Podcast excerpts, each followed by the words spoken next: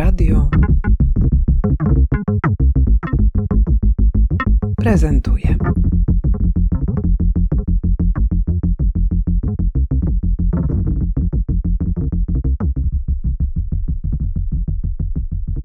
Wiktor Jędrzejewski, jestem z inicjatywy Miejskie Pszczoły. Gdzie one mieszkają tutaj?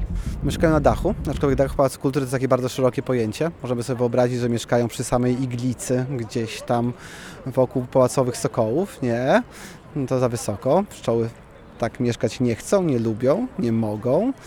No, ale Pałac Kultury ma taką konstrukcję, całe szczęście, że tych bocznych skrzydeł dosyć niskich jest sporo i gdzieś tam na dachu Teatru Studio, gdzie pod spodem jest scena malarnia, no mają swój dom i swoje miejsce. Nie widać ich tutaj z dołu.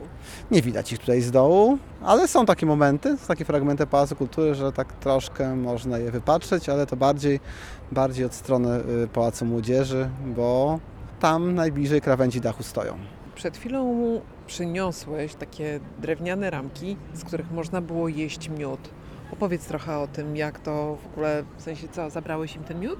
No tak, zabrałem ten miód, no, okradłem je w sposób bezpośredni i dosłowny. Tegoroczny, teraz zrobiony.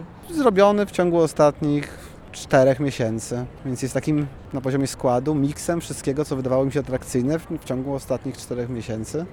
Co dokładnie jest w środku, jeszcze nie wiem. Nie wyciągaliśmy jeszcze im w tym roku nic, nie okradaliśmy ich ani razu. To była pierwsza kradzież, którą praktykowaliśmy. Świeży na pewno, tegoroczny na pewno, miód bez oszukiwania na pewno.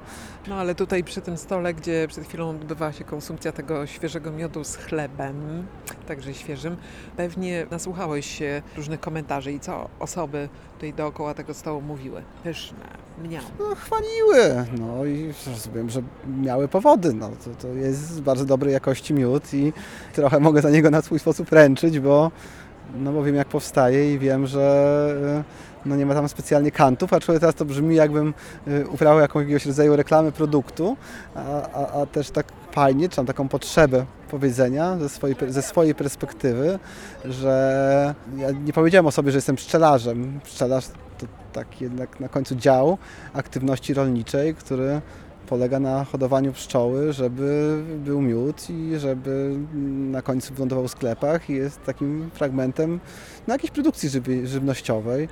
E, A no, ja nie jestem w tym miejscu, raczej bardziej się czuję ich opiekunem niż, niż pszczelarzem, bo ten miód jest dla mnie jakiś taki zupełnie wtórny, powstaje przypadkowo, na boku. Powiem że nie robię nic, żeby go było więcej, żeby ta skala tej produkcji była taka, że to pozwala na utrzymywanie się, sensowny zarobek.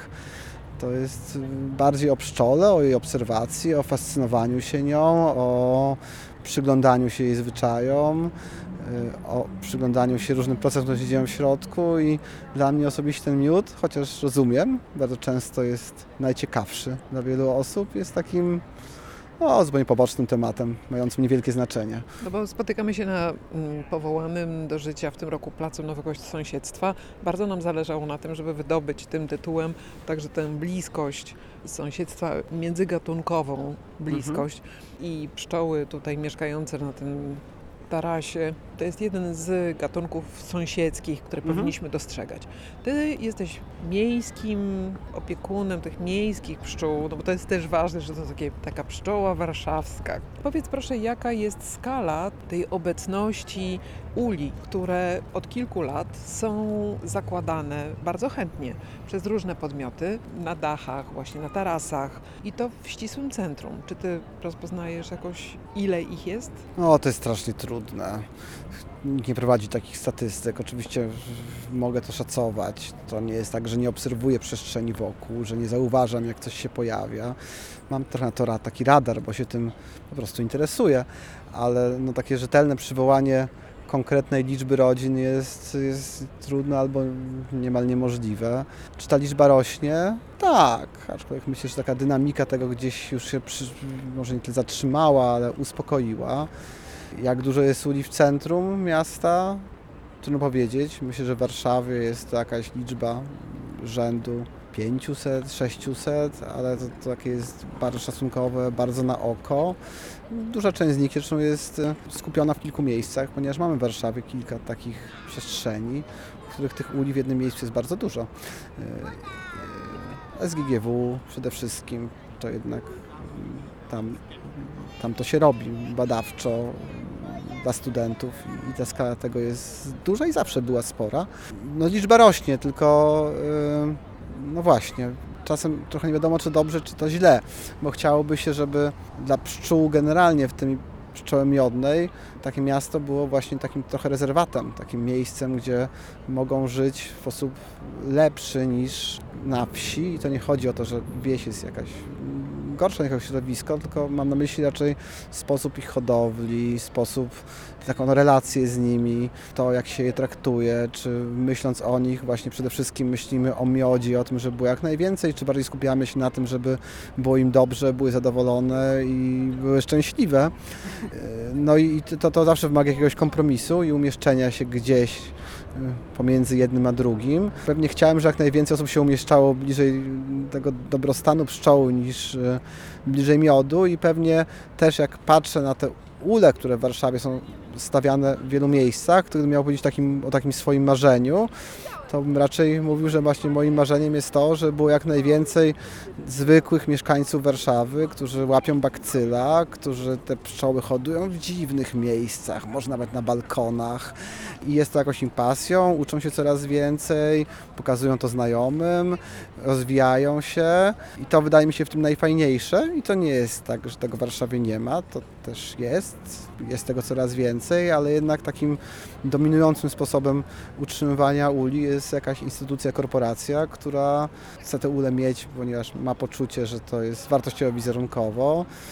Zatrudnia do tego wyspecjalizowaną firmę, która niekoniecznie te pszczoły traktuje w taki wymarzony dla mnie sposób. Raczej, raczej, tak? raczej kopiuje hodowlane, rolnicze rozwiązania, które są najbardziej powszechne, najlepiej opisane i najbardziej dostępne i no i tak nie do końca wiem, czy to jest dobre. Stoimy koło tych 40 metrów kwadratowych rozpłytowanego placu defilat, w którym posadziliśmy 350 roślin.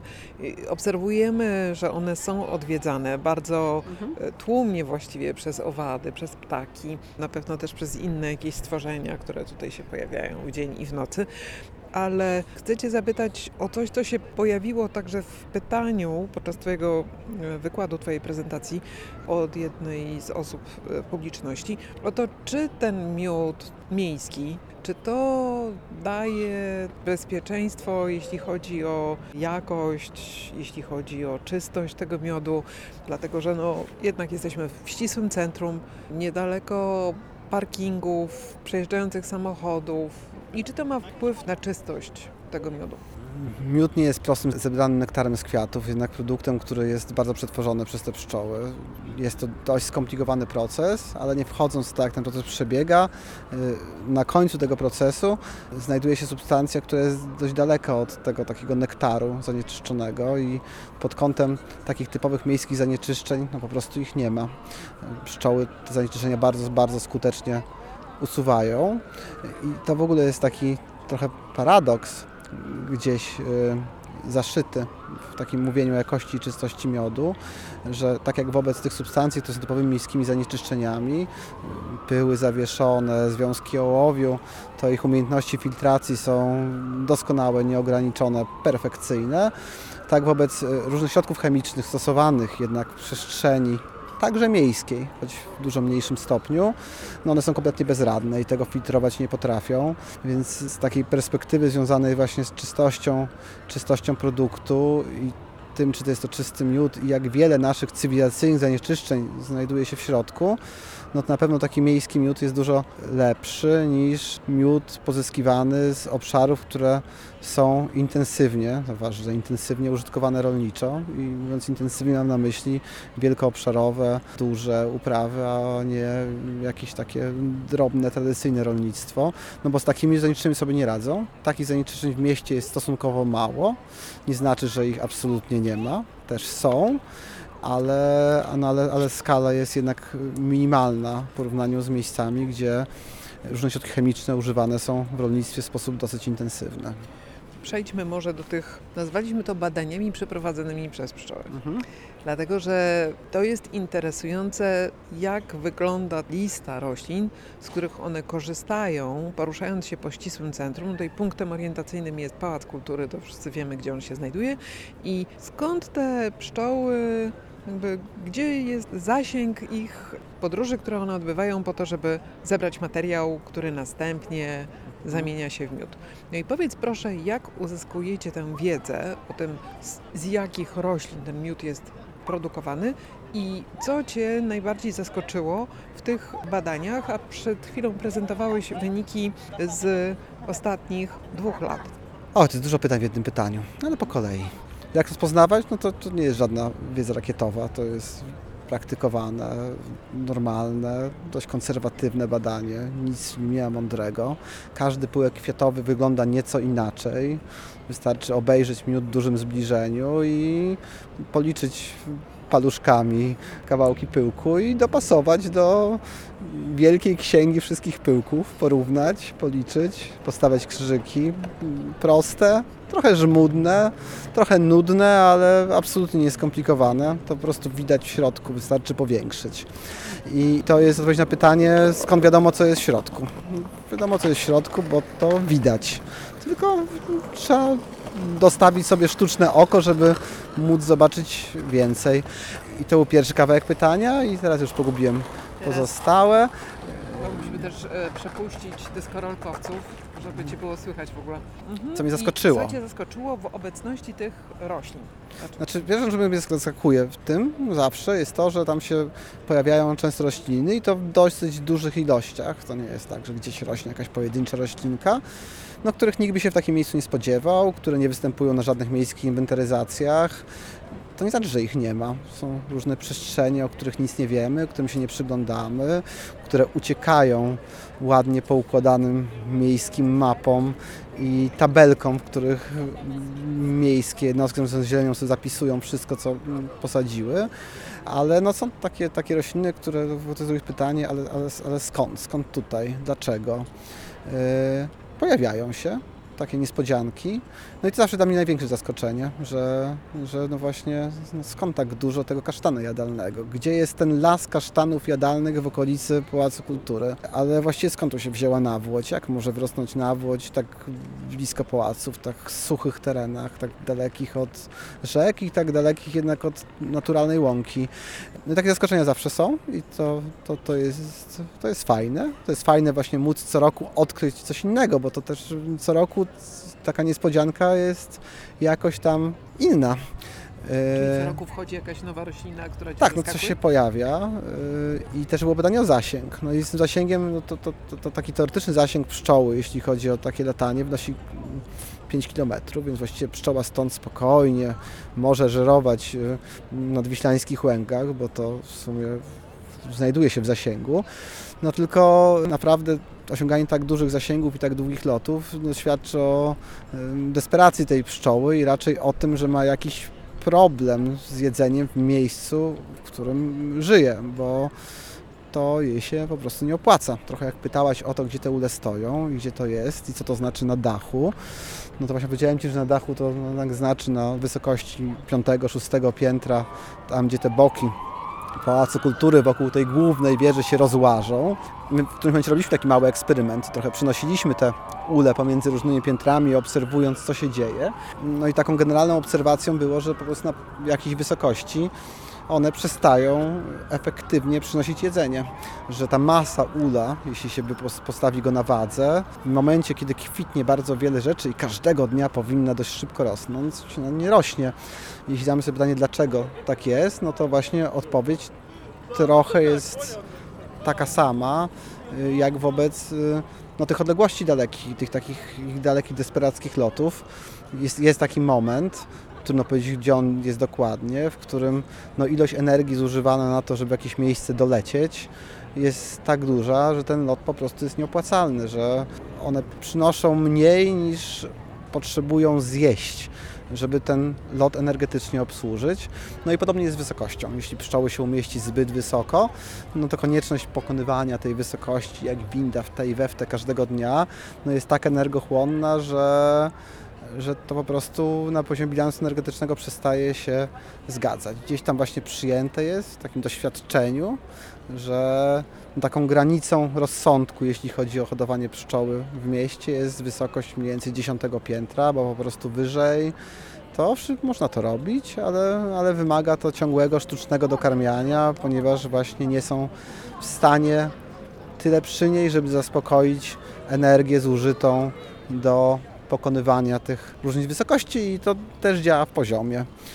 E, W tym sensie, że no co z tego, że są w stanie daleko polecieć, skoro na końcu nie da się z tego budować y, zapasów, a jednak całe ich życie jest skoncentrowane wokół tego, żeby ten zapas pojawił się i był w stanie zaspokoić ich potrzeby przez całą zimę. To jest bardzo kluczowe w tych badaniach, że one rozpoznają coś, czego my nie widzimy i my nie możemy tego uchwycić naszymi metodami, na przykład rozpoznania roślinności. nie No, możemy uchwycić. No możemy, no właśnie tylko, dzięki... jest to, tylko od nas wymaga to strasznie dużo pracy, a im to przychodzi łatwiej naturalnie. No właśnie, i to jest ten, ta ogromna pomoc z ich strony, że okazuje się, że ten, ta biosfera otaczająca Pałac Kultury w jakiejś rozsądnej odległości y, zawiera cały szereg miododajnych roślin, których inaczej dostrzec by się nie dawało, a z których jednak widać, że toczy się produkcja. I tutaj mam do Ciebie takie pytanie, czy wnioski z tych badań prowadzonych przez pszczoły z Twoim wsparciem,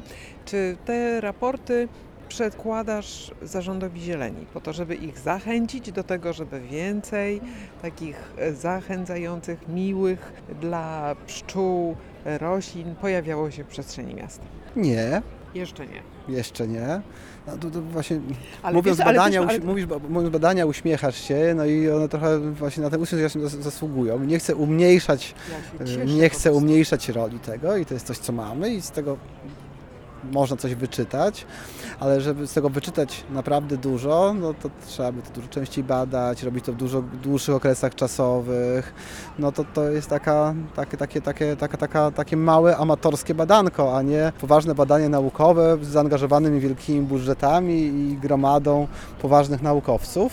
No więc ono pokazuje pewne też rzeczach na takim poziomie kierunkowym, ale trudno mówić o szczegółach. No, pierwszy szczegół, jaki mi się rzuca w oczy, jeśli miałbym coś powiedzieć zarządowi źleni, to bym powiedział hej, hej, tych łąk kwietnych, które wysadzicie, to tam nie widać, więc chyba musi być ich więcej.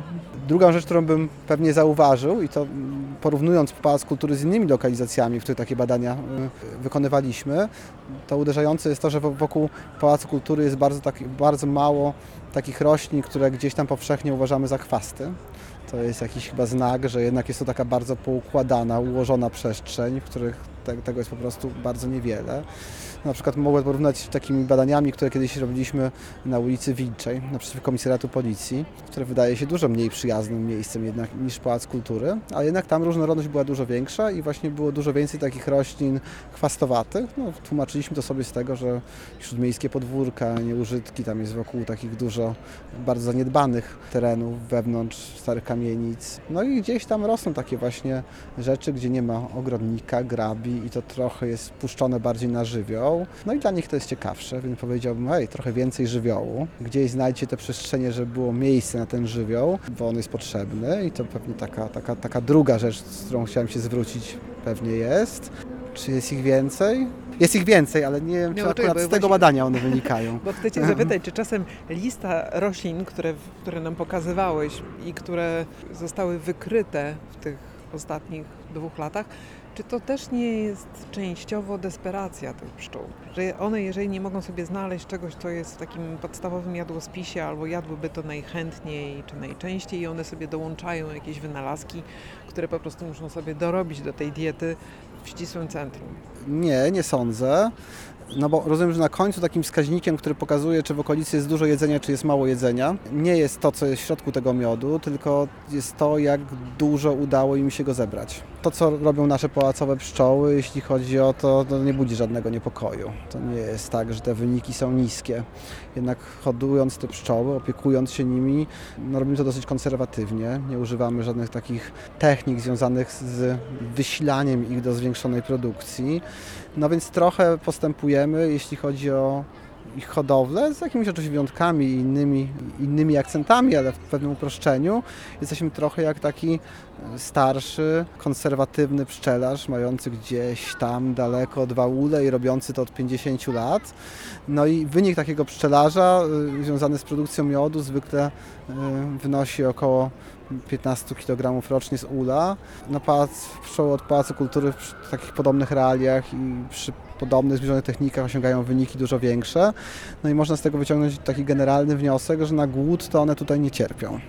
Że na pewno mogło być lepiej, to, to jest jasne, ale jednak znajdują tego jedzenia dużo, zbierają go, budują zapasy.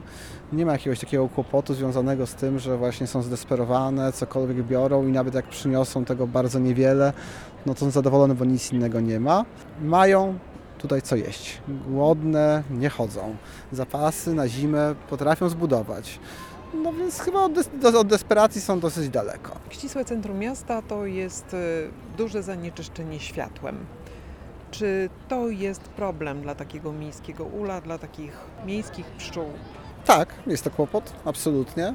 Oczywiście to jest taki kłopot, do którego one się adap- adaptują. To nie jest tak, że nie mają tej umiejętności, jednak umiejętność adaptacji ich do różnych dziwnych warunków, w których je stawiamy, jest, jest bardzo, bardzo wysoka. I to dotyczy też światła, absolutnie tak, ale nie jest to neutralne, tego obronić się nie da.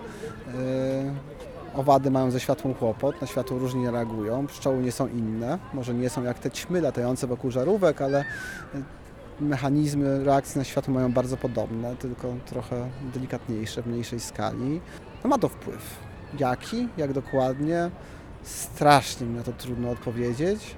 Nie jest to jakaś rzecz, która jest kluczowym kłopotem i takim zaburzeniem związanym z funkcjonowaniem ich w tym akurat miejscu. Znaczy, gdybym miał zrobić taką listę rzeczy, które są dla nich, no właśnie, sprawami, zjawiskami wokół Pałacu Kultury, do których jakoś się adaptowały, ale jednak ta adaptacja zajęła im dużo czasu i kosztowała je wiele wysiłku, to bym na liście przed zanieczyszczeniem światłem e, jednak umieścił bardzo, bardzo wiele innych rzeczy. No dobra, a pierwsza trójka? Dostępność wody i hałas zimą. To myślę, że jest pierwsza dwójka, taka kluczowa. Hałas zimą? Tak, no jednak pszczoły zimą y, mają taki zaburzony bilans energetyczny, chcą być w takim stanie hibernacji, w stanie niewielkiego ruchu i takie imprezy masowe, koncerty, finał wielkiej orkiestry jest czymś, co im bardzo zamurza zimowanie, bardzo zwiększa y, zimowe zużycie pokarmu i to ma na nie wpływ, taki mierzony konkretnie w tym na przykład jaki zapas pokarmu zimowego jest dla nich wystarczający, żeby przeżyć. Trzeba tego troszkę pilnować. To jednak zima jest takim momentem, który one wymagają spokoju, a natura tego miejsca jest taka, że ten spokój jest często zakłócony. Czy to jest kłopot? Takim sensie, że to robi jakąś krzywdę?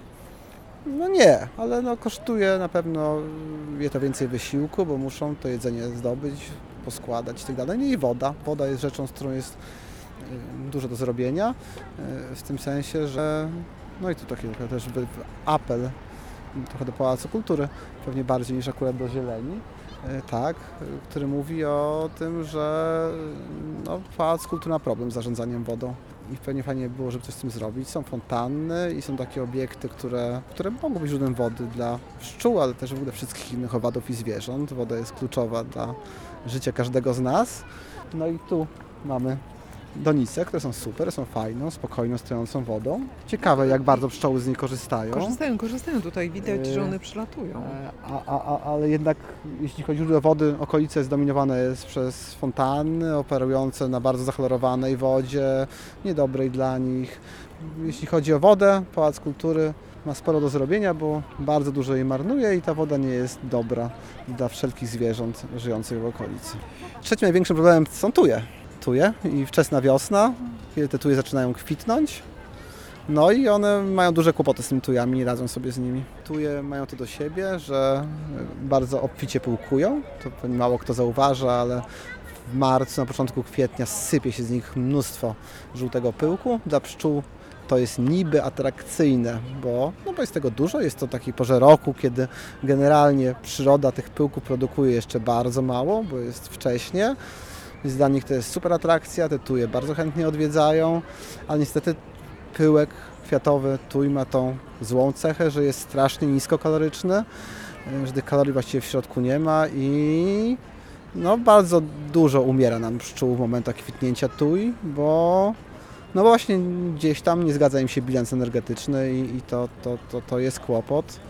Więc gdy miał jakiś mieć a też apel taki związany z tym, żeby pszczom się żyło lepiej, to hej, może wytniecie te tuje poukrywane gdzie niegdzie tujowiska. Teraz chodź zobaczymy, ile tego miodu zniknęło i czy w ogóle coś jeszcze zostało dla nas, żeby... Wydaje mi się, że się posilić. No jak, bo to znaczy, że już wszystko zjedli? Nie wiem, nie wiem, możemy pobiec. Chodź zobaczymy. Możemy pobiec za nimi i zobaczyć, gdzie to niosą, czy niosą cokolwiek. Dzięki za rozmowę. Dziękuję.